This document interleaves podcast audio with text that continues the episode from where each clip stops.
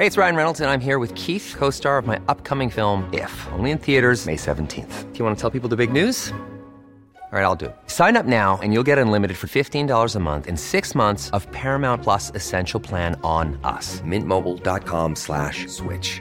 Upfront payment of $45 equivalent to $15 per month. Unlimited over 40 gigabytes per month. Face lower speeds. Videos at 480p. Active Mint customers by 531.24 get six months of Paramount Plus Essential Plan. Auto renews after six months. Offer ends May 31st, 2024. Separate Paramount Plus registration required. Terms and conditions apply if rated PG. Jewelry isn't a gift you give just once. It's a way to remind your loved one of a beautiful moment every time they see it. Blue Nile can help you find the gift that says how you feel and says it beautifully with expert guidance and a wide assortment of jewelry of the highest quality at the best price. Go to BlueNile.com and experience the convenience of shopping Blue Nile, the original online jeweler since 1999. That's BlueNile.com to find the perfect jewelry gift for any occasion. BlueNile.com. One size fits all seemed like a good idea for clothes Nice dress. Uh, it's a it's a t-shirt. Until you tried it on. Same goes for your healthcare. That's why United Healthcare offers a variety of flexible, budget friendly coverage for medical, vision, dental, and more. So, whether you're between jobs, coming off a parent's plan, or even missed open enrollment, you can find the plan that fits you best. Find out more about United Healthcare coverage at uh1.com. That's uh1.com.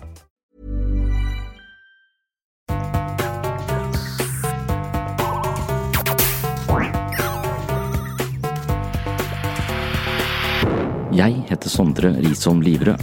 Jeg er psykolog, og dette er Webpsykologens podkast. Hverdagspsykologi for fagfolk og folk flest.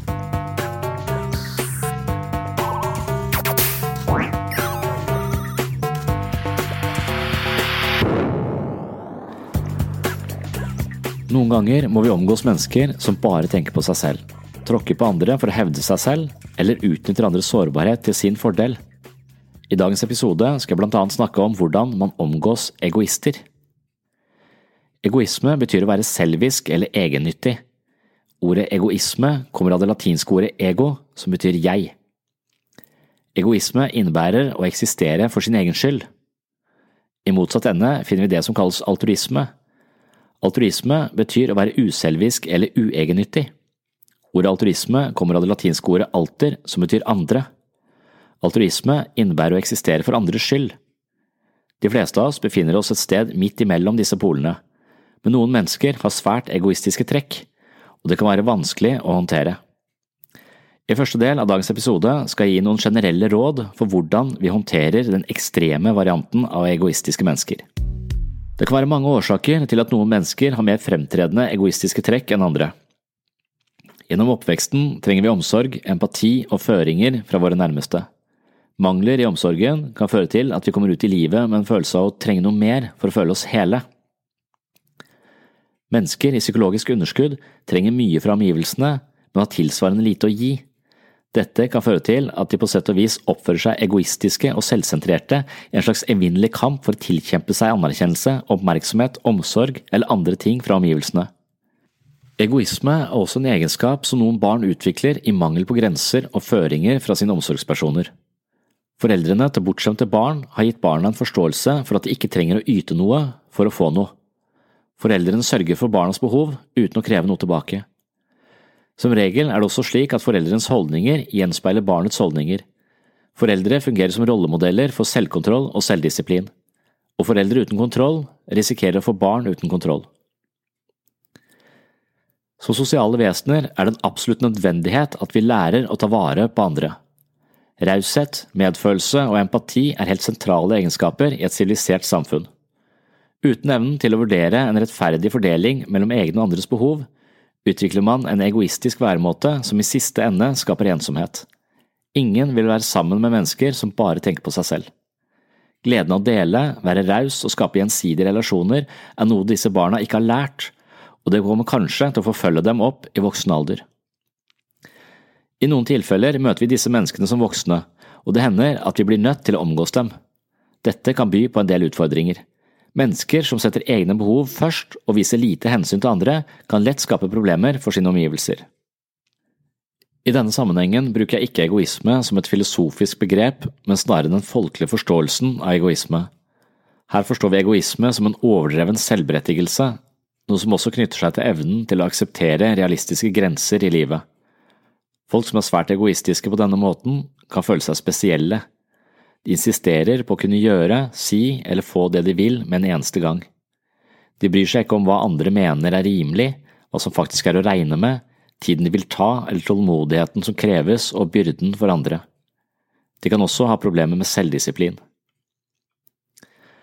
Mange av de som har et slikt livsmønster, ble bortskjemte som barn. De trengte ikke vise selvkontroll eller akseptere restriksjonene som andre barn ble pålagt. Som voksne blir de fortsatt sinte når de ikke får det som de vil. Og da kommer det store spørsmålet – hvordan hanskes med egoistiske personer? Det er vanskelig å gi generelle tips, men jeg vil likevel prøve. Hvordan skal du omgås personer som ved gjentatte anledninger kun tenker på seg selv, trekker deg ned for å heve seg selv, samt utnytter din sårbarhet og bruker det til sin fordel? Noen av rådene kan virke nærmest motstridende, og det er fordi måten man håndterer vanskelige mennesker på, avhenger av vår egen styrke og trygghet, samt situasjonen og hvilken type relasjon vi har til egoisten. Egoistiske personer kan komme til å overkjøre oss, utnytte oss eller la oss i stikken. Det kan i noen sammenhenger være lurest å unngå dem. De fleste av oss har en innebygd intuisjon som advarer oss mot mennesker som har lite å gi, men krever mye. Selv om de fremstår relativt upåfallende, kan vi ofte fornemme deres manglende hensyn til andre enn seg selv. Lytt dermed til din intuisjon for å unngå dem. Hvorvidt vi er utstyrt med en god intuisjon eller magefølelse, er også svært forskjellig fra person til person. For deg som erfaringsmessig sett vet at du har en god magefølelse, bør du bruke denne til å navigere deg vekk fra personer som fungerer som psykiske vampyrer. Må du likevel omgå svært egoistiske mennesker, vil i noen tilfeller være slik at din egen raushet kan dempe deres egoisme. Dersom egoisten hele tiden befinner seg i en posisjon hvor de opplever å mangle noe, kan de komme mer i balanse hvis de føler seg sett, hørt, anerkjent og eventuelt beundra. Egoistiske trekk er noe som ofte øker i pressede situasjoner. Egoisten er lettest å ha med å gjøre hvis han eller hun ikke føler seg trua. Hvis du er sterk nok i deg selv til å skape trygghet rundt egoisten, vil de selviske tendensene ofte avta. Man bør også unngå å konkurrere med egoisten, fordi en konkurransesituasjon vil sørge for at egoistens manglende hensyn til andre når nye høyder. Hvis du har kollegaer som gjentatte ganger handler egoistisk på bekostning av arbeidet og arbeidsmiljøet, kan man forsøke å ta opp problemet med sjefen. Som nevnt kan egoistiske personer være ganske skjøre, og de kan lett reagere med aggresjon ved tilsnakk. Hvis man ikke er komfortabel eller føler seg trygg i konfrontasjoner, bør man derfor ikke ta konfrontasjonen alene. Ikke prøv å forandre personen. Det kan være vanskelig å forandre egoister. Egoister trenger kontroll, og når andre forsøker å forandre dem, opplever de tap av kontroll, og de føler seg lett krenka. Sannsynligvis vil egoisten reagere med mye motstand dersom han eller hun fornemmer at du forsøker å forandre dem. Man er dermed best tjent med å være mer bevisst hvordan man selv reagerer i møte med egoisten, og eventuelt forsøke å forandre egne reaksjoner.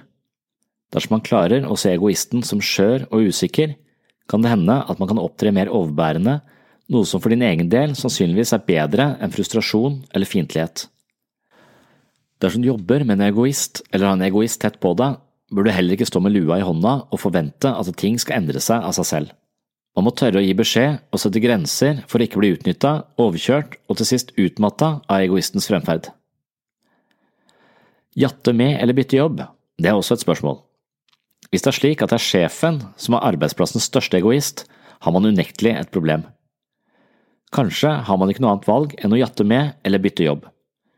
I et slikt tilfelle kan det være viktig å komme presist og gjøre det man blir bedt om, slik at sjefen ikke kommer under huden på deg. Vær nøye med å påse at du ikke kan kritiseres for utførelsen av jobben. Forsøk deretter å trekke deg diplomatisk unna relasjonen. Det er heller ingen god idé å være fortrolig med en svært egoistisk person ettersom det kan bli brukt imot deg på et senere tidspunkt. Vær bevisst og taktisk, og ikke spontan. Kanskje er det viktig at man ikke gjør seg selv sårbar eller viser frem sine svakheter. Hvis noen utnytter din sårbarhet til egen fordel, så bør man ikke gå i krigen.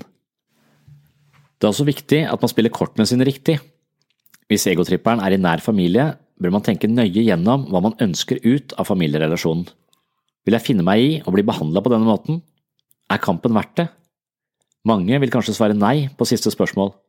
I så fall må du bare innfinne deg så godt som mulig og holde vedkommende på høflig avstand. Jeg kjenner ikke til noen veldig gode råd i møte med egoister, og jeg tror ikke det finnes noe quick fix. Spørsmålet er om vi selv kan endre holdning for ikke å bli dratt inn i egoistens tango. Et selvhjelpstips jeg har plukket opp flere steder, handler om at man skal forestille seg at alle mennesker vi møter er der for å lære oss noe viktig. Sjåføren som ligger langt under fartsgrensen og sinker deg på vei til jobb, er der for å lære deg om tålmodighet. En obstanasi tenåring er der for å lære deg om toleranse, og den sortkledde punkrockeren skal lære deg å ikke skue hunden på hårene. Din jobb blir å vurdere hva menneskene du møter på din vei skal lære deg. Hvis du møter nye mennesker med en slik holdning, vil du oppdage at du blir mindre irritert og frustrert over de feilene du opplever hos andre. Når du oppdager at andre kan lære deg noe istedenfor å irritere deg, har du et verdifullt verktøy som både kan dempe stress, redusere destruktiv mental aktivitet, utvide dine horisonter og kanskje gi deg litt mer balanse i møte med egoister. Det kan i alle fall være verdt et forsøk.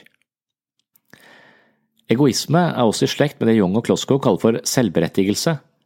Dette sorterer under teorien om negative leveregler, og i boken som heter Gjenvinn livet ditt, får vi en mulig forklaring på egoistens oppførsel i et utviklingspsykologisk perspektiv. Som psykolog i psykisk helsevern møter jeg fortrinnsvis mennesker som har lave og nedsettende tanker om seg selv. De tror på et eller annet nivå at de er mindre verdifulle enn andre, og resultatet er ofte at de jobber hardt for å bli likt av andre. De føler seg usikre og går på en kompromiss med egne behov for å tilfredsstille andres. Man kan si at grunntonen i deres tenkemåte er omtrent slik. Jeg er ikke ok, men du er ok. Dette er problemstillinger jeg har beskrevet i flere tidligere episoder av Sinnssyn. Som psykolog møter man også mennesker som har lite tro på seg selv, men samtidig har lite tro på andre mennesker. Jeg er ikke ok, og du er ikke ok, kan oppsummere deres grunnholdning. De har fått lite ros, støtte, omsorg og oppmerksomhet, og derfor lave tanker om seg selv. Samtidig har de opplevd at mennesker rundt dem oppfører seg lompent. De har erfaring med at mennesker ønsker å lure dem, ydmyke dem, forlate dem eller misbruke dem på en eller annen måte, og disse erfaringene har lagt seg som en grunnleggende mistillit i deres måte å møte verden på. Her er man ensom, usikker og mistenksom på samme tid.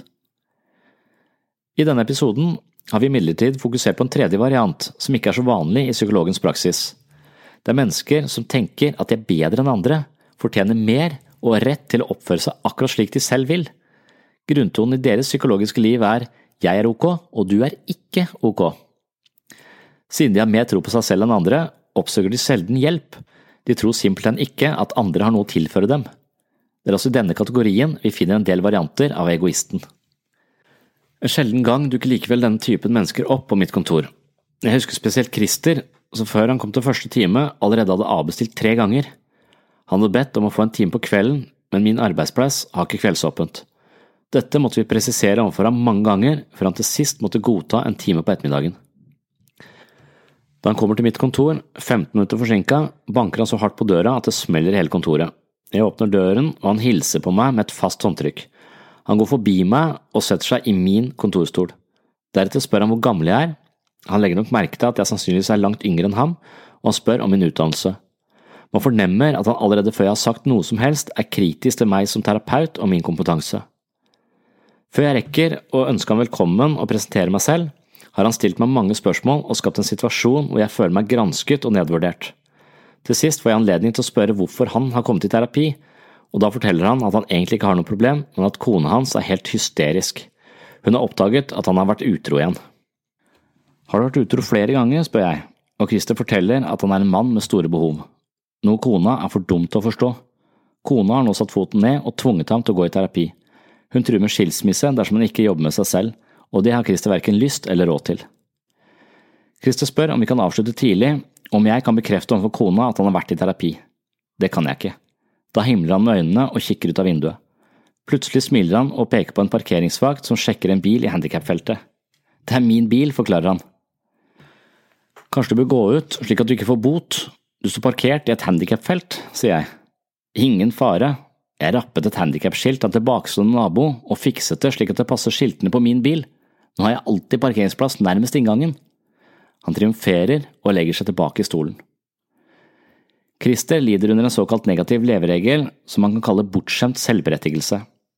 Han føler seg spesiell, han tenker at regler er til for andre, men ikke for ham. Han er krevende og kontrollerende og vil alltid ha ting gjort på sin måte. Han er sur fordi han ikke fikk time på kvelden, men måtte komme på ettermiddagen da han pleide å spise middag. Hvis andre krever noe av ham, eller sier imot hans vilje, blir han sint. Som terapeut føles det ganske utrygt å ha han på kontoret. Ved hjelp av sin væremåte og noe som ligner på hersketeknikker, skaper han en anstrengt atmosfære hvor man føler seg underlegen og nærmest litt truet. Christer har lite empati og problemer med å leve seg inn i andres følelser. Han oppleves som hensynsløs, ubetenksom og brå. Han bryr seg ikke om sosiale forventninger og tenker sjelden på konsekvensene av sine handlinger.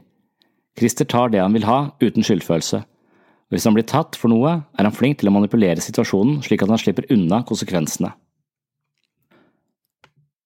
Det neste spørsmålet er hvordan Christer ble så egosentrisk.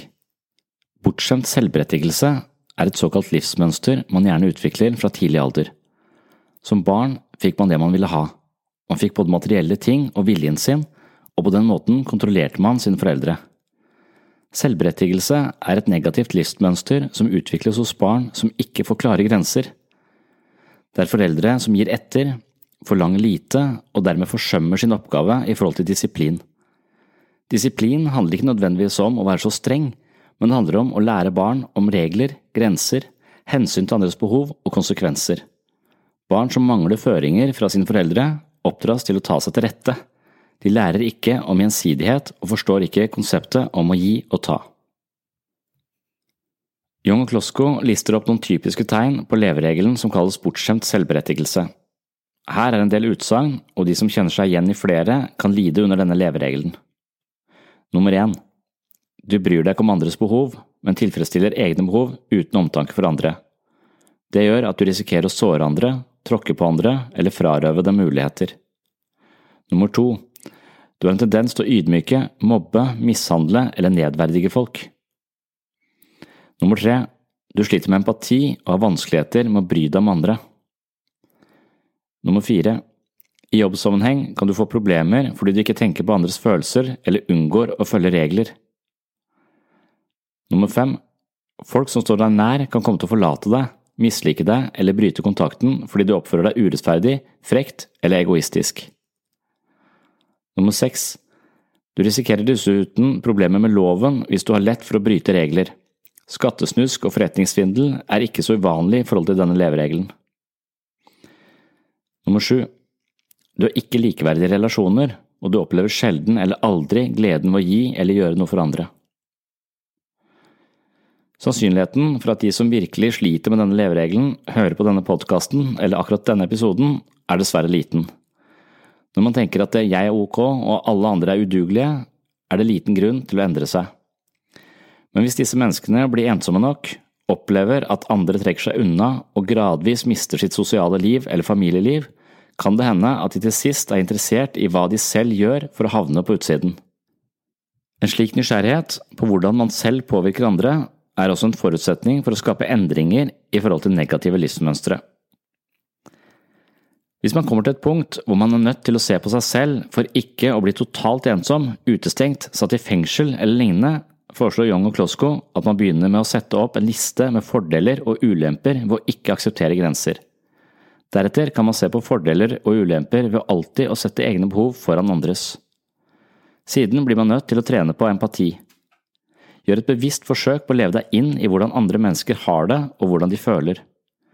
Konfronter dine unnskyldninger eller de ideene du har som rettferdiggjør din oppførsel. Hvis du virkelig går inn for å skape forandring, be om tilbakemelding fra andre mennesker. Egoisme kan altså assosieres med bortskjemt selvberettigelse, men det kan også assosieres med narsissisme. Dette begrepet defineres litt annerledes, og jeg vil bruke den siste delen av dagens episode på den refleksjonen rundt narsissisten. I psykoanalysen beskriver Sigmund Freud to typer narsissisme. Den første kalte han primærnarsissisme, og forsto den som en naturlig tilstand hos nyfødte barn. Sekundærnarsissisme refererer til en utvikling hvor personen kom uforrettet ut av spedbarnsstadiet og dermed vokser opp med udekte behov for bekreftelse av sitt eget selv. Vår folkelige antakelse om narsissisten er at vedkommende er langt over gjennomsnittlig selvopptatt og overfladisk. Det er kanskje en ganske riktig observasjon fra et andre- eller tredjepersonsperspektiv, men fra narsissistens eget perspektiv finner man en overveiende usikkerhet på eget selv. Personen forsøker å kompensere for denne uklare oppfatningen av seg selv ved å tilstrebe bekreftelser fra omgivelsene. Han eller hun rammes av en slags følelse av kaotisk tilintetgjørelse dersom omgivelsene ikke til stadighet attesterer deres eksistens. Gjennom mange av artiklene på Webpsykologen har vi hele tiden sett hvordan tilblivelsen som menneske er avhengig av omgivelsenes tilbakemeldinger. På sett og vis blir vi mennesker når andre forteller oss hvem vi er. For narsissisten er denne prosessen uforløst i den tidlige fasen i livet hvor grunnmuren for selvforståelse blir støpt noe som fører til at behovet for bekreftelse senere i livet antar desperate dimensjoner. Personens fokus på egen agenda overskygger respekt og omtanke for andre. Vedkommende har få meninger og oppfatninger om anliggende som ikke direkte angår dem selv. Derfor kopierer de andres kvaliteter, slik at de til en viss grad evner å manøvrere seg gjennom sosiale situasjoner. Det er i denne sammenhengen man kan fornemme det overfladiske anstrøket hos narsissisten. Det antas dessuten at atferd som synes respektfull eller empatisk hos disse karakterene, først og fremst er et virkemiddel i en type tilsiktet svindel for å manipulere omgivelsene. Slike personlighetstrekk er antageligvis delvis forenlig med det man på folkemunne kaller psykopati. Men psykopatibegrepet brukes i liten grad i norsk helsevesen. Psykopatibegrepet var på mange måter så belastet at det nesten ikke var mulig å tilstrebe en større forståelse for den bakenforliggende psykologien i psykopatens ondskap. i hermetegn. I det diagnosesystemet vi opererer med i Norge, er det dyssosial personlighetsforstyrrelse som ligger tettest på den gamle psykopatibetegnelsen. Forståelsen for antisosiale trekk er langt større i dag enn før, men fremdeles er det usikkerhet rundt forholdet mellom arv og miljø når det kommer til personlighetsforstyrrelser. Sannsynligvis veier miljøfaktorene aller tyngst, men biologien spiller også en rolle. En teoretiker som har skrevet mye om narsissisme, er Heinz Kohut. Ikke alle er enig i hans ideer om utviklingen av narsissistiske forstyrrelser, men det er sannsynlig at hans beskrivelser rommer en sentral subgruppe innenfor dette spekteret. For at du skal slippe å bare høre meg i opplesningsmodus, vil jeg avslutte dagens episode ved å snakke om narsissisme i tråd med Heinz Kohut, og det gjør jeg friere i en forelesning fra april 2018.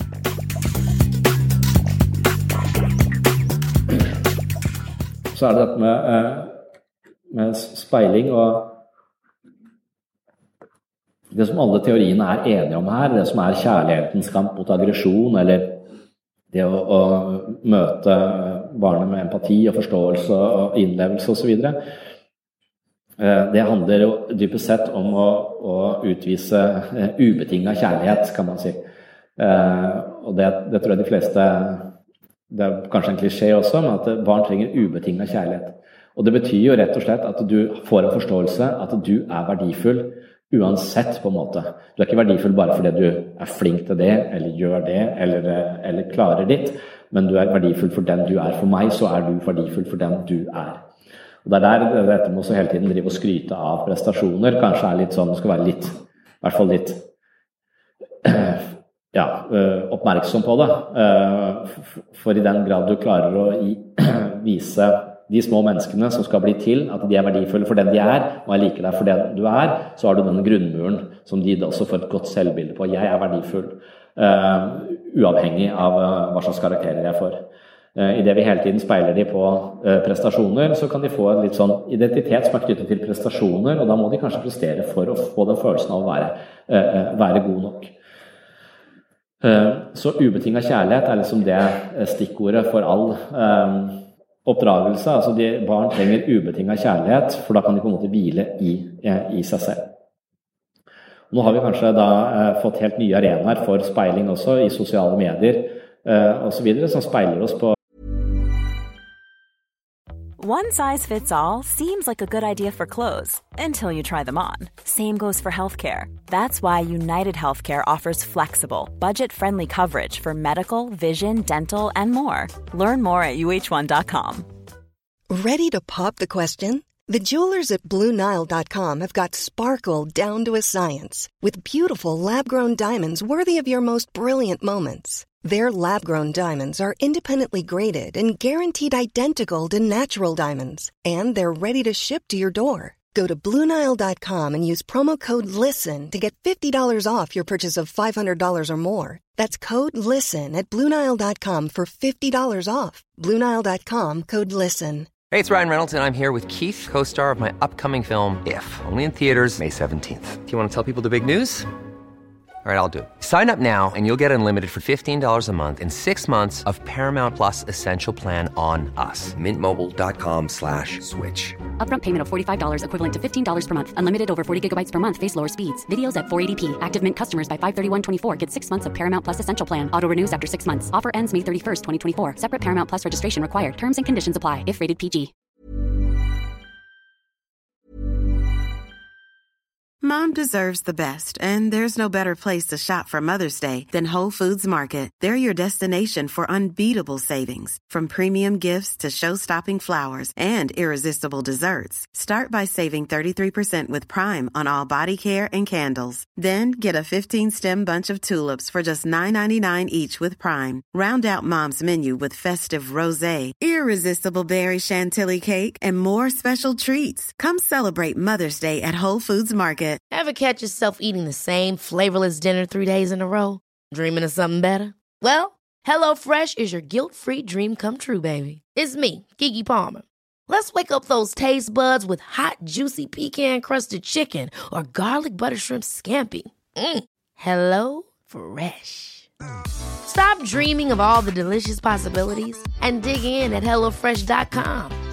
Let's get this dinner party started. Planning for your next trip? Elevate your travel style with Quince. Quince has all the jet setting essentials you'll want for your next getaway, like European linen, premium luggage options, buttery soft Italian leather bags, and so much more. And is all priced at 50 to 80% less than similar brands. Plus, Quince only works with factories that use safe and ethical manufacturing practices. Pack your bags with high-quality essentials you'll be wearing for vacations to come with Quince. Go to quince.com slash pack for free shipping and 365-day returns. Og, eh, på veldig mye av det vi da selv vi konstruerer. Eh, Så vi kan konstruere versjoner av oss selv på nett eh, som vi får en bekreftelse på. eh, Som ikke nødvendigvis klinger i takt med den vi egentlig tenker at vi er, men som kanskje er en litt forbedra variant av den vi er. Og idet vi får masse masse likes på denne forbedra varianten av oss selv, så kan vi jo få en idé om at, det er den vi må være for å være noe. Og det er der man kanskje etter hvert kan utvikle en form for sosial angst eller usikkerhet fordi at man føler man må være noe annet enn det man egentlig er. Så mye terapi går også ut på også Du har kanskje en følelse av hvem du er innerst inne, og så har du kanskje en følelse av hvem du fremstår som i sosiale sammenhenger.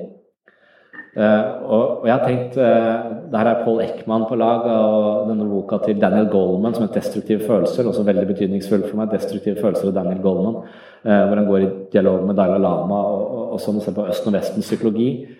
Men, men, denne forholdet mellom det som Jung ville kalle ja, skyggen personer, kanskje, eller at vi har en sosial variant av oss selv som vi presenterer utad. Og det har vi alle, og det må vi ha. Men vi har også en, på en måte den vi er innerst inne. Og hvis disse to elementene, den jeg egentlig er og den jeg fremstår som, er langt fra hverandre, så blir det veldig veldig slitsomt å være deg i ulike sammenhenger. For du må hele tiden, du får en følelse av å spille et skuespill. Så i den grad du klarer å knytte disse personene sånn at de overlapper hverandre litt mer Du skal aldri være 100% åpen for ting. Noen ting er privat og tilhører bare deg. Men i den grad du klarer å være med deg selv og koble den til den sosiale deg, så vil det å være sosial være lett. For du slipper å spille så mye skuespill, eh, på en måte. Det er også den boka til Eric Byrne om 'Games People Play'. altså At vi spiller ulike varianter av spill for å få det vi trenger, istedenfor oppriktighet. Så det å være oppriktig, det å være ærlig og oppriktig med seg selv, som betyr å forstå sitt eget forsvar, for dette forsvaret lurer oss til å tro at vi er oppriktige når vi ikke er det. Så det å være nysgjerrig på sitt eget indre liv og prøve å være så oppriktig som mulig, og også være det så langt det lar seg gjøre i møte med andre, være ærlig og oppriktig i møte med andre, det er på en måte kanskje veien til å leve best, best mulig, da, og veien ut av sosial angst, kanskje. Det er idet vi får en, får en idé om at jeg er nødt til å være noe annet enn det jeg egentlig er for å være verdifull, at, at livet blir et spill. Når livet blir et spill, så blir det slitsomt å leve det livet. Det blir eh, som skuespillere får betalt for den jobben de gjør, ikke sant? fordi det er en eh, anstrengelse.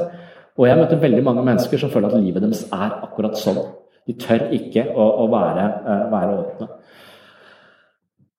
Og da er ideen at, eh, at det å være eh, Hvis jeg er meg selv, så vil folk opp til å avvise meg, eller eh, snu ryggen til meg, eller mobbe meg osv. Du har erfaringer på at det å uttrykke seg åpent får følger som du ikke er Eh, liker. Kanskje foreldrene dine blir sint på deg eller eh, truer med å ikke bry seg om deg osv. Så, videre. så du får en idé om at du må være noe annet for å tilfredsstille de, de kravene. Og her har du litt den utviklingen av en form for Noen vil kalle det narsissisme også. At du, at du skaper et slags falsk selv som du viser verden, og som du trenger veldig masse bekreftelse på hele tiden for at det skal eh, opprettholdes. Men med en gang noen pirker litt i det, så, så vil det falle fra hverandre, og du går helt til grunne, eh, på en måte. Så du fremstår som noe annet enn det du egentlig, egentlig er. Og her tar de fleste mennesker feil. Da de tror at det å lyve eller Noen lyver mer eller mindre bevisst, mens andre lyver ubevisst. Eh, og de tror at det å sette grenser for andre, f.eks., eller det å si sin mening som strider imot en annens mening, eller det å hevde seg selv, det vil føre til at folk ikke liker meg eller viker fra meg. Eh, det er en idé veldig mange mennesker har. Det handler om en sånn selvutslettelse. på en måte. De, de, tror at jeg må tilfredsstille andres behov for å, være, eh, for å ikke bli forlatt. Eh, og Da har du en sånn type operativsystem som sier nettopp det at folk som betyr noe for deg, de kommer til å forlate deg hvis ikke du på en måte spiller på dems pipe hele tiden. Og Det er veldig veldig ofte en falsk idé da, for de som hele tiden snakker folk etter munnen, kan man si, da, eller prøver å tilfredsstille andres behov hele tiden og ikke tenker på sine egne, de blir ofte oversett. De blir ofte glemt. Og de blir ofte sett på som kjedelige og uinteressante. Så de på en måte, de er livredd for å miste relasjonene sine og prøver å tilfredsstille den andre så langt det lar seg gjøre. Men nettopp den måten å være på gjør en litt uinteressant. For de fleste mennesker ønsker ærlighet fra, annet, fra en annen person. I den grad mennesker Jeg møter jo veldig mange mennesker som har det på denne måten. Og jeg vet at De sier aldri sannheten om hva de tenker om meg. Og Det gjør det ganske skremmende for meg å være sammen med dem. For jeg aner ikke hvordan jeg faller ned i deres hode. For hvis du spør dem, så vet jeg at de kommer til å si et eller annet fint. Eh, eh, men jeg har en fornemmelse av at det ikke er sant. Og det å være sammen med sånne mennesker kan være både skremmende Hvem er jeg egentlig eh, for deg? Jeg husker jeg jobba på, på Gardermoen etter en sånn befalsskole jeg en eller annen grunn tok. Det var vel egentlig for å slippe å reise til Nord-Norge. Men da måtte jeg være der i to år. Det hadde jeg ikke regna med. Men det siste året så jobba jeg på, på, en flystasjon. Og der eh, jobba jeg med en fyr som sa ja til alt. Han var mye bedre enn meg det å gjøre. Vi skulle sitte på et kontor. Jeg ante ikke hva, jeg, eh, hva vi skulle gjøre der egentlig. Jeg var føler meg inkompetent på den rollen, men han var supergod. Men jeg var også hans sjef, da, for jeg hadde tatt denne befalsskolen, og da fikk jeg noen flere sånne streker eller stjerner på, uh, på drakta mi, sånn at jeg skulle bestemme over han. Og, og, da var det sånn at ja, gidder du også stenge da, for at det, jeg går litt tidligere? jeg trenger Ja, ja, det er helt greit. Så uansett hva jeg ba han om, så sa han ja. Og, jo mer han sa ja, jo lettere ble det å spørre han. Jo dårligere person ble jeg. Så pga. at han aldri satte grenser, så ble jeg en ganske sånn motbydelig versjon av meg selv. Han fikk aldri, Det ble en skakk det ble en skakk relasjon. Han ofret mye mer enn det jeg gjorde, og jeg begynte å utnytte det. Og jeg begynte å hate meg selv for det. Eh, og Grunnen til at vi ikke hadde noen relasjon i dag, er nettopp denne ubalansen der. sånn. Men etter hvert så begynte jeg å skjønne det. Jeg hadde ikke så mye innsikt da. altså. Men, men jeg tenkte hvem er han egentlig? Han sier ja til alt. Så en morgen så satte jeg, liksom, satte jeg meg ned på kontoret med fire forskjellige kaffevarianter. Jeg hadde varm kaffe, kald kaffe, varm kaffe med melk og kald kaffe med melk. Og spurte jeg hvem vil du ha? Du kan velge. Jeg har tatt med fire kopper her. Så forklarte jeg variantene. Det er samme for meg, jeg tar den du ikke skal ha. Nei! Du må si hva Du må hevde ditt behov, ellers veit jeg ikke hvem du er. Da blir jeg litt redd for deg. Har du ingen egen vilje? Og Da begynner jeg å mistenke at han kommer til å sprenge den flystasjonen på et eller annet tidspunkt. For han må jo ha en eller annen selvhevdelse, et eller annet sinne som ikke kommer fram her. Han kan ikke være en så Så, så det ble et vanskelig et, en vanskelig, en vanskelig eh, relasjon å, å, å, forholde seg til.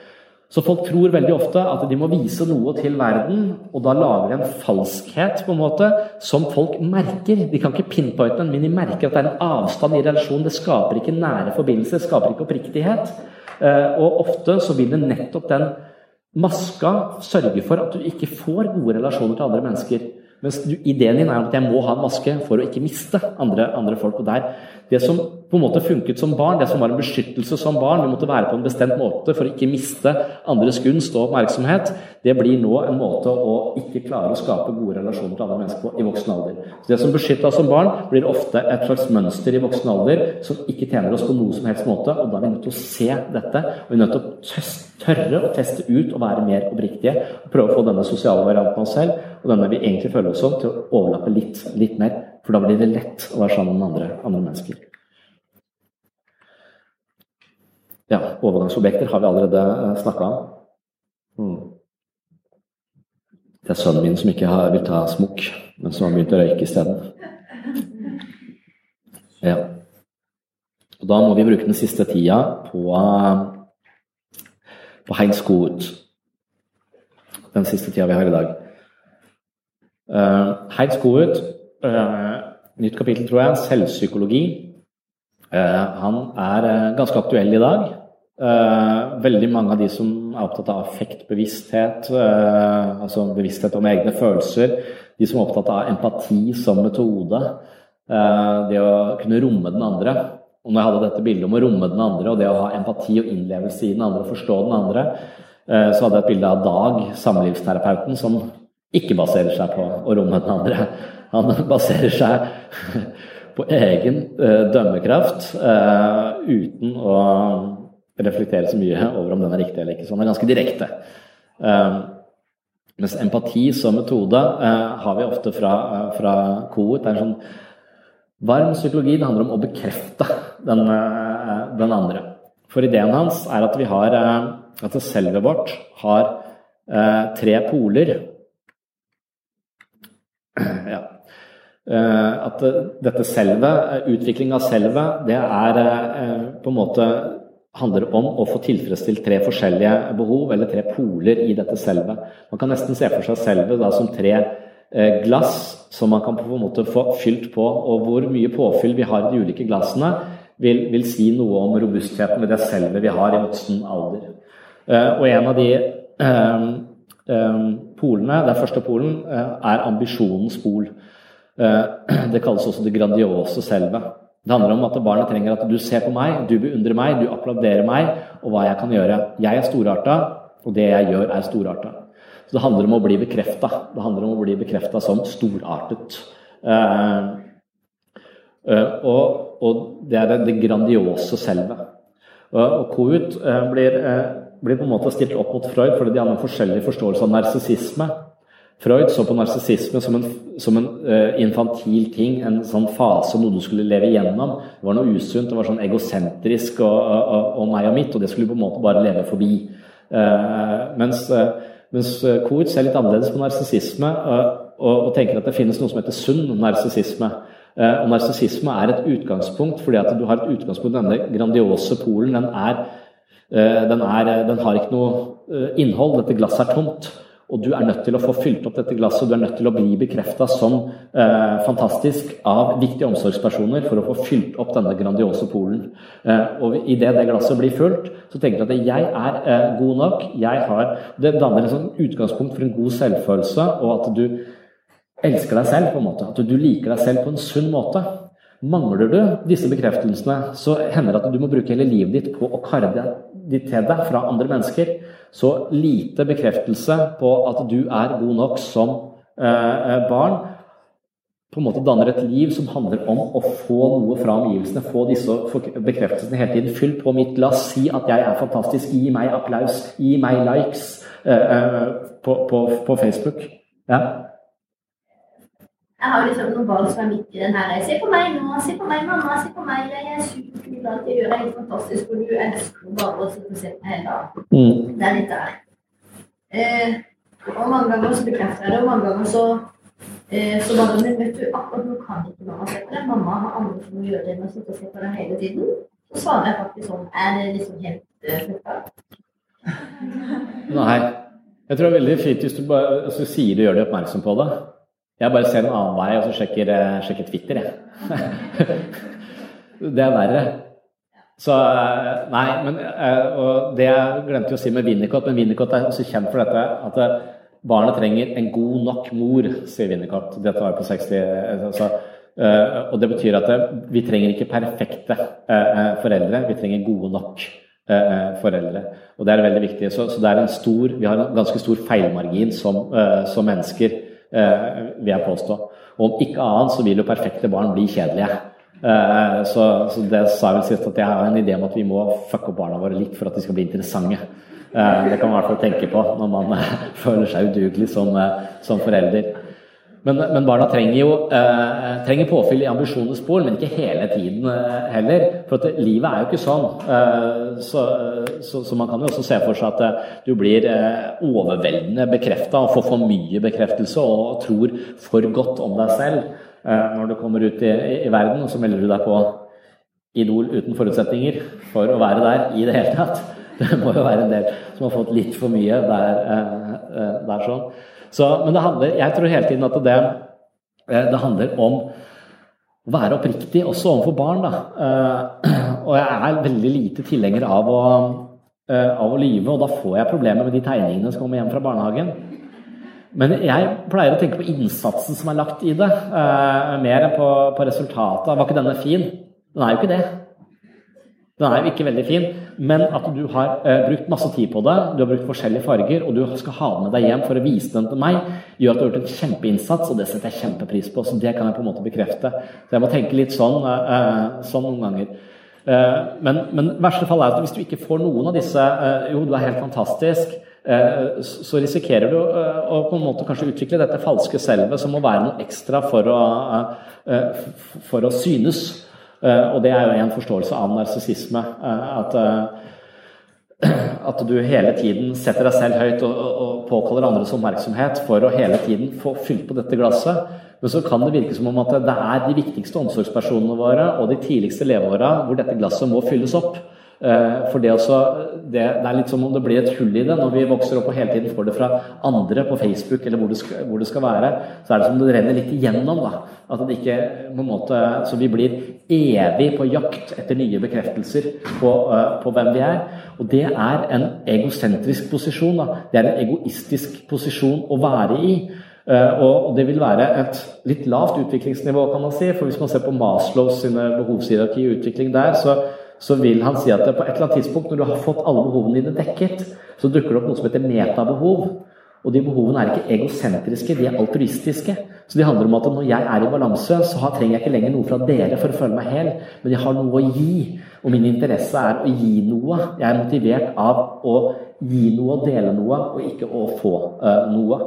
Så det kommer et punkt hvor vi er såpass høyt utvikla at, eh, at, behovene våre endrer seg fra å være egosentriske til å bli mer altruistiske.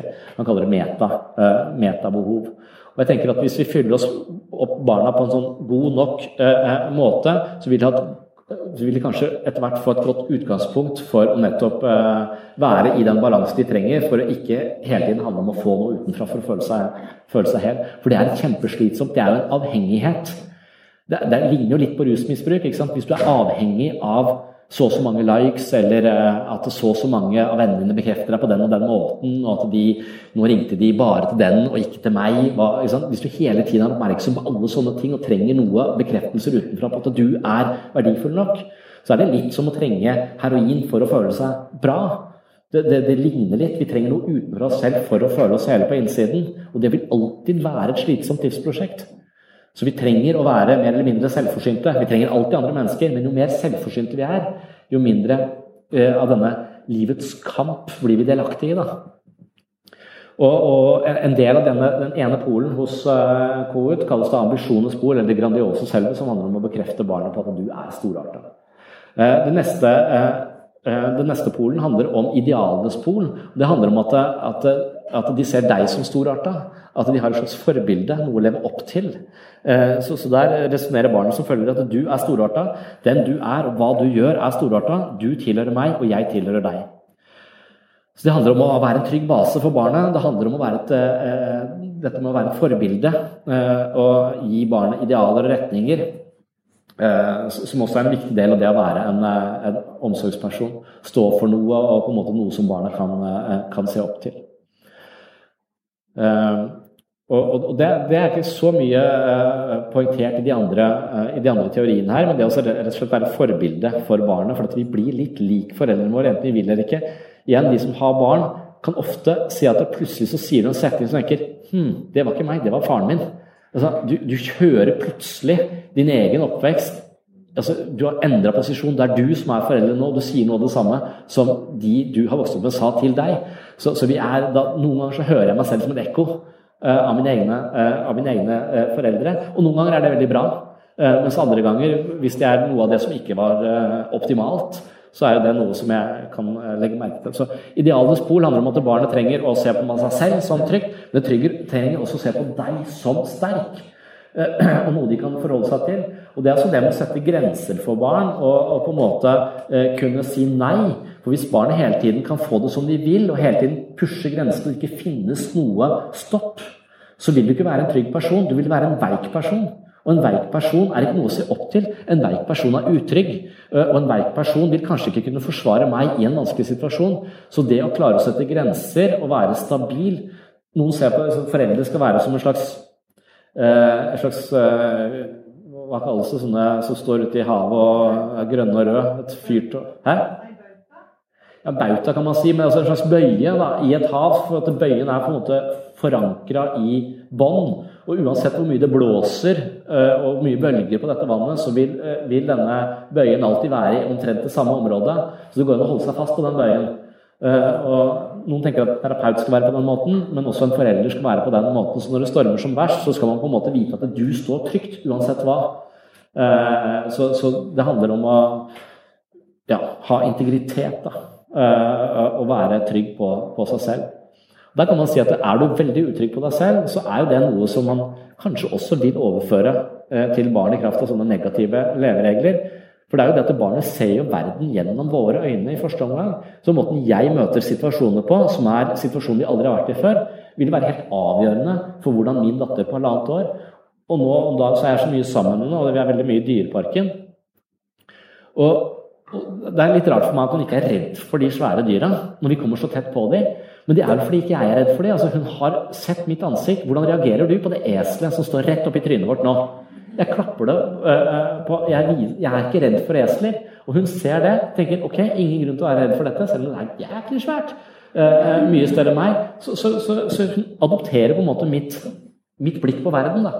Og I den grad jeg er redd, veldig redd for uh, noe, så vil jo også det kanskje smitte av på, på de som leser verden via oss i første omgang.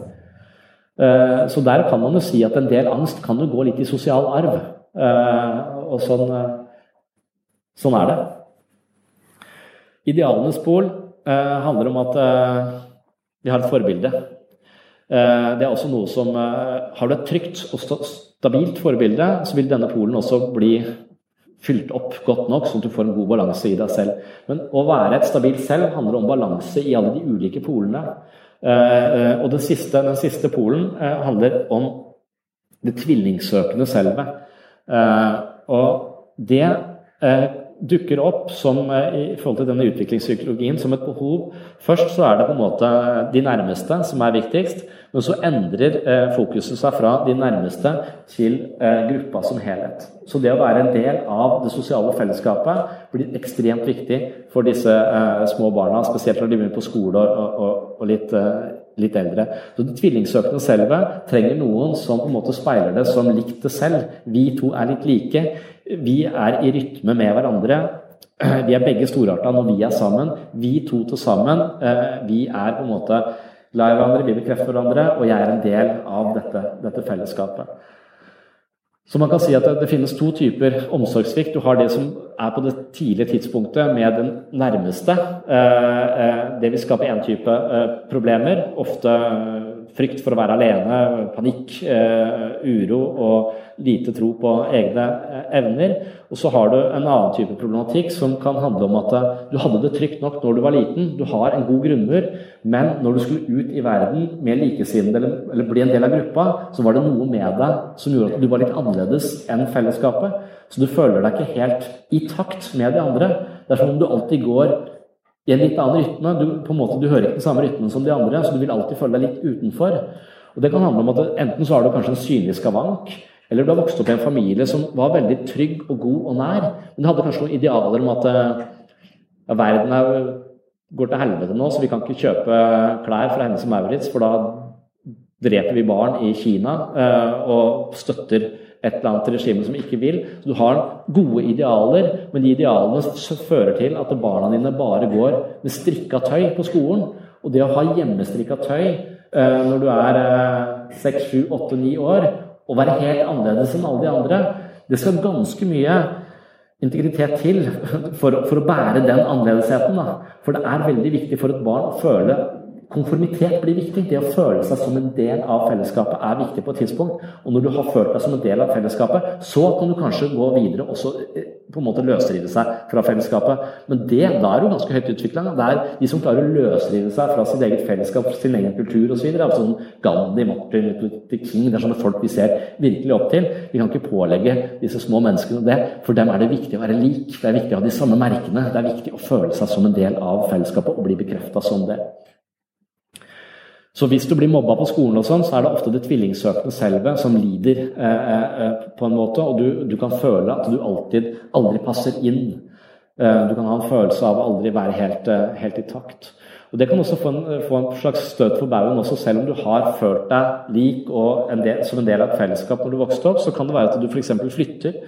Eh, det kan være bare fra en by til en annen innad i Norge, eh, eller fra et annet land så, så, vil du ofte kanskje føle at det er et eller annet i møte med de andre som aldri er helt likt. Så du føler deg alltid på en litt, annet, uh, på en litt annen tone enn alle, alle de andre som er, er, rundt deg. Jeg kunne føle det bare for å flytte fra Tønsberg til Kristiansand, på en måte. Eller fra Aalborg til, uh, til Kristiansand. Så kan du, kan du, kjenne at kulturen og menneskene er en litt annen omgangsform, så det tar lang tid før jeg kommer helt i rytme la merke til at alle vennene mine ikke var fra Kristiansand på en måte, i tror nesten åtte år uh, før jeg begynte å nå omgås folk som også er vokst opp i denne byen. Det er veldig sjeldent uh, at jeg gjør det. Så det tripolare selv altså, det trenger uh, å bekreftes fra jevnaldrende. det trenger å bekreftes av foreldre, og det trenger å ha noen å se, se opp til. Ja. Og Det er jo spørsmålet om, eh, om dette er en sånn universal Det diskuteres i boka her, eh, om Coe sin teori er en universal teori på menneskets eh, utvikling. Og Der kan man si kanskje at den, forskjellige kulturer kan kanskje være gode på forskjellige poler. Det kan godt hende at det fins kulturer som har den idealenes pol, at et eller annet foreldrene i familien er mye høyere og liksom blir sett opp til på en helt annen måte, eller den eldre generasjonen blir sett opp til på en helt annen måte, som styrker denne idealene spor på en annen måte enn vi gjør i vår kultur. Um, så, så, så, man kan godt se for seg at eh, utviklingen av disse forskjellige polene i forskjellige kulturer er litt uh, ujevn og gjøres på litt forskjellige måter, som også da kanskje skaper en slags ulik dynamikk i dette selvet som eventuelt består av disse tre, uh, disse tre polene. Ja, narsissismen snakka vi om. Ja. Nå begynner vi å nærme oss slutten her. Eh, vi skulle jo ideelt sett vært innom tilknytningsteori, altså.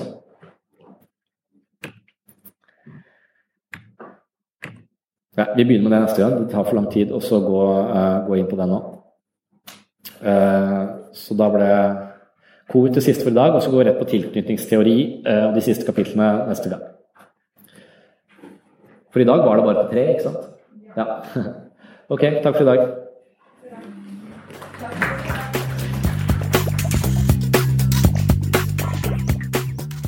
Det var et lite innblikk i egoisme og narsissisme, men her er det mye mer å si.